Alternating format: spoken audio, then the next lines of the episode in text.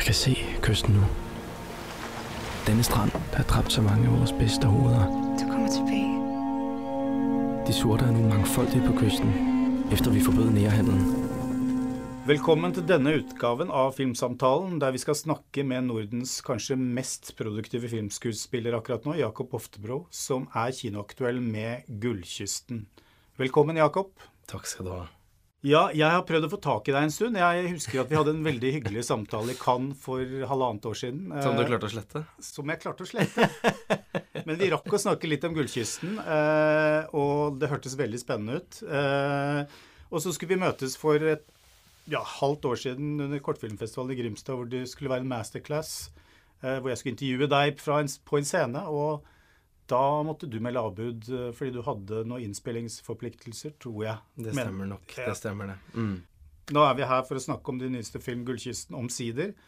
Som kanskje er den uvanligste filmen eh, du har spilt i, er min teori. Altså pga. en spesiell produksjonshistorie eh, som vi skal komme inn på etter hvert. Men først altså, kan vi vel fastslå at 'Gullkysten' er en svært ambisiøs film, og var vel egentlig ment som en sånn stor blockbuster. Og så har den blitt noe annet underveis. Eh, men den handler om en dansk botaniker som i 1836 blir sendt til Ghana for å lære afrikanske slaver å drive landbruk. Men ganske snart utvikler handlingen seg i en retning han har lite kontroll over, og filmen tar en mørk vending.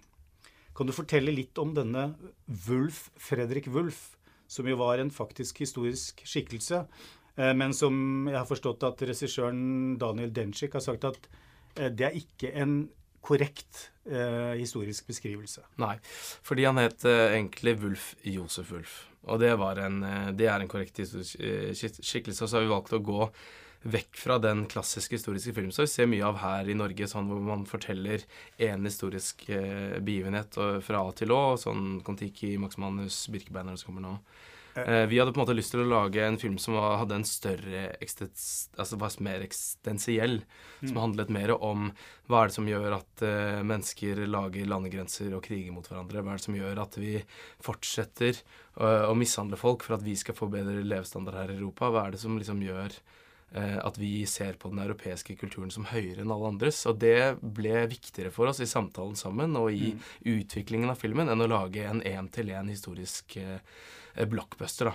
Eh, og, og sånn sett syns jeg også at eh, altså grunnen til at også den historien har vært så viktig og spesiell for meg, har nettopp vært at, eh, at, at eh, den krevde så mye av meg. Jeg leste tolv bøker om emnet. Jeg leste alle mulige dagbøker. både av, eh, Den er jo mer basert på eh, Peter Tonning, Paul Isert. eh, Hvem er det? det er botanikere. Danske Ja. botanikere fra den tiden. Og, Ja. Og, det er, eh, og det er basert på Wulf Josef Wulf, hans eh, dagbøker. Det er basert på eh, slavenes kyst eh, og slavenes båter og slavenes øyer. Eh, og det er på en måte Det er basert på flere bøker, og, og med, altså det, det har på en måte fått en mye større eh, det, det er blitt et større spenn, da. Mm. Og så er det ikke den klassiske slavefilmen som, det kanskje, som man kanskje tenker at man skal se. Uh, Fordi det er ikke 'Twelve Years a Slave', bare skandinavisk versjon. Det er etter at slavehandelen opphør, uh, opphørt. Men Wulf kommer altså ned for å starte kaffeplantasjer, fordi Danmark tjener ikke penger på koloniene sine lenger. Uh, og, og som er det jo sånn at, eh, at folk eh, gjør mye rart for å tjene penger, og, og den mørkeste delen av danmarkshistorien er jo at eh, Danmark fortsatte i 50 år til, selv om det var ulovlig. Er dette noe danskene vet mye om i dag? Altså, hva, hva, hva har du opplevd når dere på en måte har lansert filmen i Danmark? Er det et kjent kapittel? På ingen måte, og det er ikke et kjent kapittel i Norge heller. Og vi skra, fraskriver oss litt den historien siden vi Ja, det er liksom danskene som gjorde Ja. det, ikke vi. Ja, ikke sant? Og vi, var, vi var jo underkast, altså under danskene, på en måte. Og det er en veldig pen uh, side av historien, ikke sant. Det er sånn vi velger å se på det. Men uh, hvis du ser, vi jo, har jo lengst kystlinje i Skandinavia. Det er ikke noe tvil om at også veldig mange sørlandsbyer og vestlandsbyer med mye tømmer og sånn sto for både trelast og tjente mye penger på dette. Og veldig mange av båtene la jo også til kai i Norge før de, når det da var pent vær, kunne seile over til Danmark. Så det er klart at eh, mye av rikdommen har også um, har også kommet hit. Og en av de første berettelsene fra Gullkysten, dansk Guinea, det er av Johannes Rask, en eh, prest fra Trondheim. Mm. Som også er en veldig eh, spesiell fyr, og en veldig spesiell historie. Mm. Mm. Men etter noen uker i opptak så skjedde det noe uvanlig. Og det var at hun som var med til å spille Wulfs ghanesiske elskerinne, så vidt jeg vet, eh, ble syk, og hele produksjonen holdt på å kollapse. Likevel bestemte dere dere for å gå videre med filmen, men da ble den på en måte dratt i en litt annen retning enn det det var tiltenkt. Da måtte man på en måte improvisere litt. Ja, det er klart, men det, var, det gjorde vi egentlig helt fra starten. Ja. Eh, på mange måter så mener jeg at det er hell i uhell, fordi eh, det manuset som lå til rette, var utrolig bra. Altså Daniel, Daniel Denchik, som da er broren til David Denchik. Det er ikke skuespilleren David Denchik. Nei, okay. Det er eh, broren hans, Daniel Denchik. Ja. Han er egentlig romanforfatter. Eh, dikt, eh, han skrevet flere fantastiske diktsamlinger og har laget en del kortfilmer som har vunnet masse priser. Dette er hans første spillefilm. Ja. Eh, han skriver da for det første et veldig veldig bra manus, men også da et manus som har eh, som også var ganske vanlig, og der eh, også basert på den Wolf, Josef Wulf-karakteren. At han møter en, en, en kvinne der nede og, og, og blir på en måte for, en, for et kjærlighetsforhold til henne. Egentlig en mer klassisk eh, romantisk, man har på en måte et romantisk alibi. Jeg syns jo den filmen vi har kommet frem til i dag Vi har diskutert også dette mye med, med, med, Dan, med Daniel, at jeg syns at eh, at jeg syns den historien er for, eh, var for klassisk og for mm. sentimental. Og mye mer interessant at, eh, at han nettopp ikke gjør det. Men at han, at han møter Afrika, og at han møter utfordringen der nede. Men at man ikke trenger det romantiske alibiet for at det skal være en spennende film. Men, men du kan si at i- isteden så blir det en litt annen historie, som vi for så vidt har sett før. Altså en, en eh, hvit europeisk eh, kolonist som går inn i en slags, eh, en en slags like mye en indre reise. Eh, inn i et eh, mørkets eh, hjerte, om du vil. Altså, og, og, eh, og, det, og det blir ganske mørkt og, og ubehagelig. Eh, men når han først ankommer, så er han jo på en måte veldig empatisk og åpen. Eh, virker kanskje mer sympatisk og empatisk enn det den faktiske historiske skikkelsen kanskje ville vært overfor, overfor uh, ghaneserne, tenker jeg. Ja, men, det, men det er, jeg mener at dette er en, det er en eh, moderne historisk film. Det er Ja. ikke en, eh, en klassisk historisk film. Det er derfor jeg syns det var interessant å høre. Den har Mm. mye høyere ambisjoner. Og jeg mener at sett det før eh, Jeg mener Nei, at jeg- Gullkysten Mm. har du ikke sett i Skandinavia før. Jeg mener at uh, i Danmark, Norge og Sverige er det ikke laget en film som Gullkysten før. Det kan godt være at den er så ambisiøs at på noen punkter så, så tenker man at her, her har man hatt for store, eller her vil man fortelle for mye. Men, men jeg vil alltid heller, og det mener jeg også som skuespiller, jeg vil alltid heller satse for uh, noe som har så høy ambisjon, eller gå en vei med min karakter, at den blir dårlig, enn å satse på noe som er middelmådig. Og det er det som er interessant med filmen, at den, at den har så høye ambisjoner og har så stor en, en, en, en brennvidde at den liksom vil Det vil noe mye mer med filmen enn å bare fortelle en, en historie én til én, sånn Ja. den gangen. Nei, altså, jeg, jeg tenker Når jeg så filmen, så tenkte jeg jo på Werner Herzogs filmer. Mm. Jeg tenkte på Apokalypse nå, eh, som på en måte er en annen film igjen. Men du kan si at eh, ja, den vil definitivt noe annet. Og, og, og, musikken er jo på en måte ikke det du forventer av en, en sånn type historisk film. Altså Den er jo elektronisk. Mm. eh, nesten eksperimentell, på en måte. Og det er Angelo Badalamenti som har laget musikken Ja, fra? Twin Peaks og sånn, og der var vi utrolig heldige, selvfølgelig. Men jeg mener også at selvfølgelig vi har vi har da et materiale som er, og en historie som er utrolig viktig å ta fatt i. Mm. Og viktigere enn å bare fortelle en én-til-én-historie om, om sånn var det, men, men faktisk å snakke om hva er det som gjør at vi liksom gjør det, og hva er det som gjør at vi gjentar historien vår. Mm. At vi gjør det igjen og igjen og igjen. Det er 200 år siden. Hvor mye er det som egentlig har skjedd? Mm. Så står vi i Ghana og kjører gjennom områder hvor det er gass, hvor det er diamanter, hvor det er gull. Og der er det bare kinesiske skilt, eller de lever under helt forferdelige vilkår. Man skulle jo tro at eh, nettopp at det skulle vært som i Stavanger, at, eh, der hvor det var gull, så var det rikdom. Mm. Men det er de områdene med mest kriminalitet, hvor folk, eh, hvor folk eh, har det dårligst. Mm. Og det er en grunn til det. Ja. Daniel Denchik har omtalt filmen, eh, i hvert fall overfor danske medier, som et, et lite helvete å spille inn. Altså strabasiøst. Og altså, når vi ser deg i filmen, så er du jo atskillig magrere enn du er nå. Eh, Det må ha vært fysisk krevende. Kan du si litt om forberedelsene i først, på ene siden, og så det å komme ned dit, og, og hvordan dere på en måte gikk frem når dere spilte inn filmen? Mm. Fordi det må jo ha vært et Akkurat som det var et kultursjokk for Wolf å komme ned dit, så, så var det på en måte en overgang for deg også. Det er klart, og det, det altså, Jeg kan ta det første først. Altså, for, for, å gjøre en sånn film, så mener jeg at uh, altså Wulf er jo, og det som du sier, han er sympatisk mer Han er på en måte et renessansemenneske. Mm. Eh, og, og, og, og, det er han. Og han er en belest mann. Uh, en botaniker som kommer ned med et håp. han vil på en måte tilføre Danmark noe. Han har lest Rousseau, han, vil, han, altså han er en del av romantikken. Så det krevde at man, at man leste opp materialet, måtte vite hvor han kom fra, hvordan det var den gangen. Så jeg leste jo utrolig mange bøker om Jeg leste vel tolv bøker om emnet, eller sånt, både om botanikkens historie. Mm. Jeg var på Botanisk hage og presset planter. Leste atskillige dagbøker, Mongo Parks historie. altså eh, det er liksom viktig og så, det er viktig på en måte å ha det med, så man vet hvor man kommer fra. Også mm. så man kan improvisere og vite hvor man kommer fra. fordi plutselig så Når Daniel beskriver perioden som et helvete, så tror jeg altså han mener at det er det var eh, tøft å filme i Afrika, selvfølgelig, fordi man aldri, visste aldri hva vi fikk. Vi kunne bestille 100 statister, og så kom det én. Og neste dag så var det 100 der. Så vi må, måtte på en måte også veldig improvisere, da. Og veldig mange av de scenene som er med i filmen, er improvisert. Og det var jo Samtidig som det var et helvete, var det jo den aller største utfordringen man kan få eh, som skuespiller. Å stå der med det lokale og, og, improvisere i, i, en så viktig setting og med så viktig problematikk. Det vil jeg også si for meg var det eh, verdens største gave, fordi jeg fikk lov til å bruke mitt talent til det fulleste. Mm. Til det ytterste. Jeg, jeg fikk også lov til eh, å jobbe med de lokale, som jo elsket at vi var der. Og det var det mest rørende, syns jeg. Mm. Å stå der nede og møte folk som syntes det var så viktig at vi fortalte historien. Eh, og vi ville jo nødig liksom eh, repetere historien ved å komme hjem, ned en gjeng europeere og si sånn skal det fortelles, vi vet hvordan den historien er. Men nettopp møte de og si hva tenker dere? Hvordan vil dere at historien skal være? Eh, og så var det, det, selvfølgelig det siste aspektet som var at eh, for å skildre den enorme utfordringene det var den gangen Man visste ingenting om bakteriologi. Alle som kom dit, ble sjuke.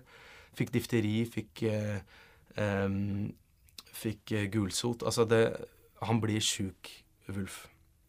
Det gjør han, og det krevde selvfølgelig en enorm fysisk forvandling. Men å få en sånn utfordring som skuespiller, og bli stilt det kravet, mm. eh, både intellektuelt, fysisk, og også i forhold til ansvaret, i forhold til statister, i forhold til hvordan man var, eh, det var en fantastisk utfordring. Fordi jeg fikk kun lov til å snakke dansk til de. Eh, for det var det man gjorde på den tiden. Og det gjorde selvfølgelig også at kommunikasjon var vanskelig. Og når jeg da vendte ryggen til for at de delskott skulle skjønne hvor de skulle, for dette er jo ikke trente skuespillere og folk som bare er ivrige og gjerne vil være med, så sa jeg veldig ofte ting på engelsk at de skulle skjønne hvor de var. Så man hadde alltid et dobbeltlag i seg. Eh, og når jeg plutselig sto med ryggen til og holdt en taletid på dansk som varte i 40 minutter, så sto statisten og sovnet. Dette var da på et tidspunkt hvor de skulle bli rørt og kjenne, seg, kjenne at de ble hørt og sånne ting. Så veldig ofte når jeg da vender ryggen til, så snakker jeg til dem på engelsk og har hatt lange taler til dem på engelsk. Hvor da kameraet vender i samme bilde, så skifter jeg over på dansk. Og mm. den, altså i forhold til liksom være såpass årvåken, vite hvor kameraet er hele tiden, samtidig som man er i interaksjon, gjorde også at vi fikk et, en helt hemmelig pakt, alle de som var der nede. De visste akkurat når det var de skulle lytte til meg, når de skulle stille seg uh, stille opp som et stort spørsmålstegn. Uh, og vi hadde hemmelige tegn, og sånn, vi ble, på en måte en familie. Og det, det, er jo noe av det vakreste og fineste reisen jeg har vært på. Men kan du si litt om hvordan dere jobbet i forhold til manus? Fordi uh, Var det sånn at du visste utgangen på filmen?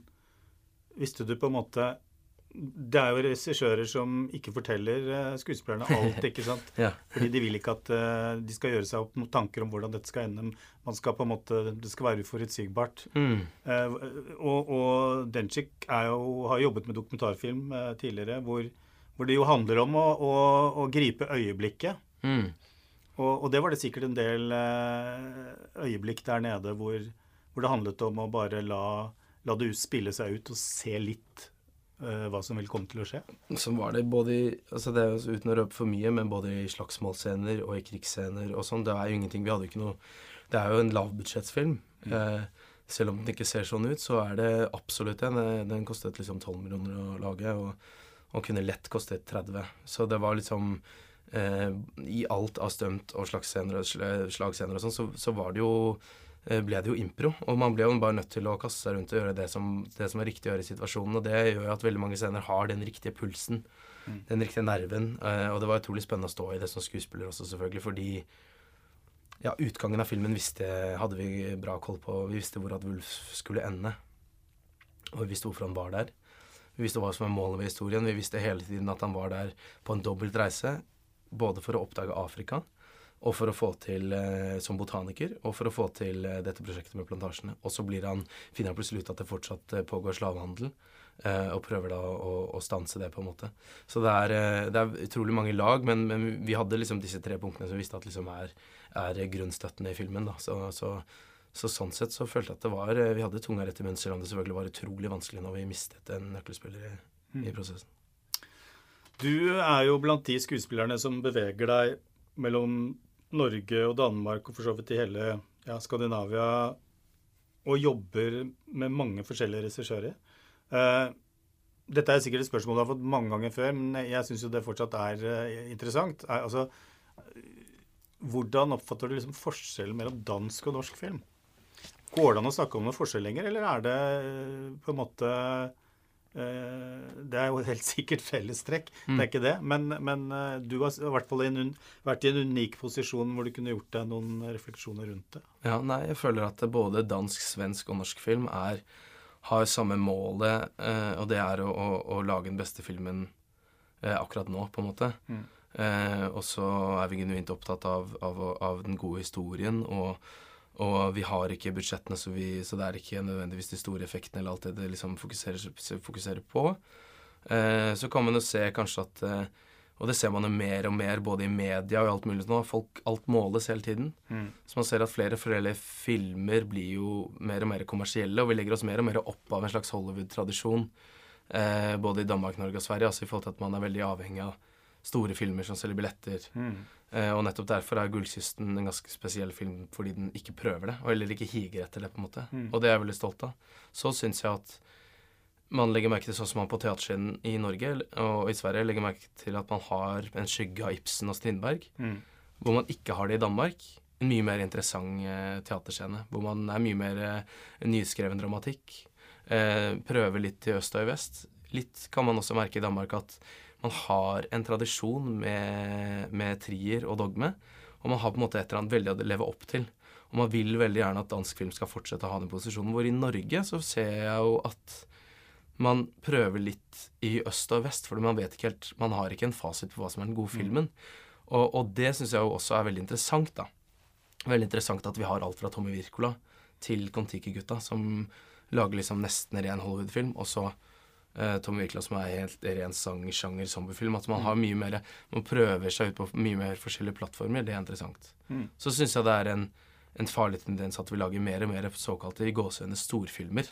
Fordi eh, jeg syns jo at den støtteordningen vi har, eh, krever noe av oss også. Det krever også at oss som kunstnere at vi tør å satse på kammerspillet og drama, som er grunnen til at hele resten av verden har øynene mot Europa fordi vi tør å satse på de filmene som når man som privat investor ikke tør å satse på når man sitter i USA. Mm. Du har jo spilt i flere store produksjoner i skandinavisk sammenheng. Altså mm. fra Broen til ja, tilbake til uh, Max Manus og Kon-Tiki. Og, og, ja, man kan jo bare ramse de opp. Uh, men hvor ofte får du henvendelser fra regissører som inviterer deg til å jobbe på en type produksjon som det her, da, eller kanskje enda, med enda lavere budsjett? Hva er det som skal til for at du har lyst til å gjøre det da? Fordi da er det jo definitivt ikke pengene, for å si det sånn. Nei, men det har det jo heller aldri vært. Man blir ikke skuespiller for å bli i Skandinavia. Gjør man ikke det for å, for å, for å bli feit av det. Og, det. og, det. er jo Jeg savner jo også egentlig veldig det. Mm. Eh, og oppsøker og ringer og vil jo også veldig gjerne gjøre det. fordi veldig ofte så er det jo også de produksjonene at utfordringen eh, som skuespiller og det arbeidet, det er det som er hovedfokuset og målet, ikke nødvendigvis effekten eller alt det andre rundt. da. Um, og det er selvfølgelig en ting som Når jeg da fikk eh, tilbud om Gullkysten og den utfordringen, så sa jeg jo ja tvert. Mm. Uh, og jeg står som uh, produsent på filmen, og det er jo bare fordi jeg investerte lønna mi i den. Det jeg tjente jo så å si ingenting for å gjøre det. Og det var bare fordi jeg syntes det var gøy å være med på en sånn produksjon. Og jeg, jeg synes selvfølgelig Jeg håper jo at jeg kan gjøre mer i sånne produksjoner, for det er ikke pengene man gjør det for, det er fordi man har lyst til å utvikle seg. Mm. Og tenkte nettopp på en sånn film. Og nå har jeg også fått en ny dansk film da, som heter 'Mesteren'. Som er Charlotte Sealing? Charlotte Sealing, ja. ja som regisserte 'Broren' og har vært litt på Homeland og sånn. Så hennes andre spillefilm, som er et desidert eh, kammerspill. da. Og ble utrolig lykkelig når man da får sånne Og det har også vært en av de morsomste prosessene jeg noensinne har vært på, fordi det er så utrolig deilig å, å være med på en film som da handler om det man elsker mest, nettopp eh, samspillet med motspilleren din. Mm. Eh, hvordan få det til å bli optimalt. Finne de små nyansene. Eh, hvor det aldri er noe snakk om CGI eller en drage eller et eller annet som på en måte skal puttes inn et eller annet sted. Mm. Sealing går jo for å være en av de mest altså, erfarne eh, instruktørene. Mm. Og er kjent for å være veldig god til å jobbe med skuespillere. Mm. Eh, kan du si litt mer, eh, uten å røpe for mye, om, om den prosessen? Fordi jeg vet ikke om dere har avsluttet innspillingen. Det er jo i hvert fall inntil nylig eh, hvor produksjonen har pågått. Jeg er ferdig om, ferdig om en uke, så ah, ja, okay. når dette blir sendt, så er jeg sikkert ferdig da. Ja. Eh, jeg, eh, jeg er eh, Altså, det å har jobbet med henne jeg vil, jeg vil si at det er absolutt en av de, en av de modigste og finnes regissøren har jobbet med. Det handler jo på en måte, uten å røpe for mye, om, også om hennes historie. Og når man da imiterer inn Søren Malling og meg, som, som har mye meninger, og som, som, som er aktive nettopp i forhold til sånn for historiefortelling og hva vi vil si, og hvordan vi liksom syns vi kan optimere det og sånn, så er det jo en ekstremt sårbar prosess for henne. Hun har vært så stor, eh, og, og kom, vi, hun har latt oss komme med tilbud hele tiden. Og, og, og det, har vært, eh, det har vært så utrolig gøy å jobbe med. da. Og jeg håper at det er, liksom, det er jo drømmeprosjekt fordi, fordi man får lov til eh, å jobbe med en regissør som er eh, streng, som vet hva hun vil ha, men som samtidig er veldig åpen. Så man har den derre viften av at man vet at man er i gode hender. Men det er lov å prøve en annen retning, og så kan vi alltid gå tilbake igjen. Mm. Og da jobbe med en så utrolig rutinert og fantastisk skuespiller som Søren Malling, som jeg jo elsker, og så syns jeg er helt eh, Altså en av Skandinavias beste skuespillere, og få lov til å liksom ha masse store spillere med han, det er klart at det Det Ja, det har vært noe av det morsomste jeg har jobbet på noensinne. Altså. Den, er, den filmen er jo en, en dansk-norsk koproduksjon også, så den kommer jo ganske sikkert på norske kinoer. Ja, og Anne. Dahl Torp er med, som er Ja. kjempegøy. Jeg har ikke jobbet med henne før. Det har også vært utrolig stas, og det har liksom vært eh, Ja, det har vært en utrolig spennende prosess. Ja, jeg håper at den kommer på kino i Norge. Mm. Og jeg håper jo at folk eh, får øynene opp for Gullkysten, eh, som eh, ikke går i så mange saler, men den går en stund til på kino. Mm. Eh, så takk for at du delte eh, dine erfaringer fra den filmen med oss her på Filmsamtalen. Takk Takk. for at jeg fikk lov til å komme, og veldig hyggelig å snakke med deg.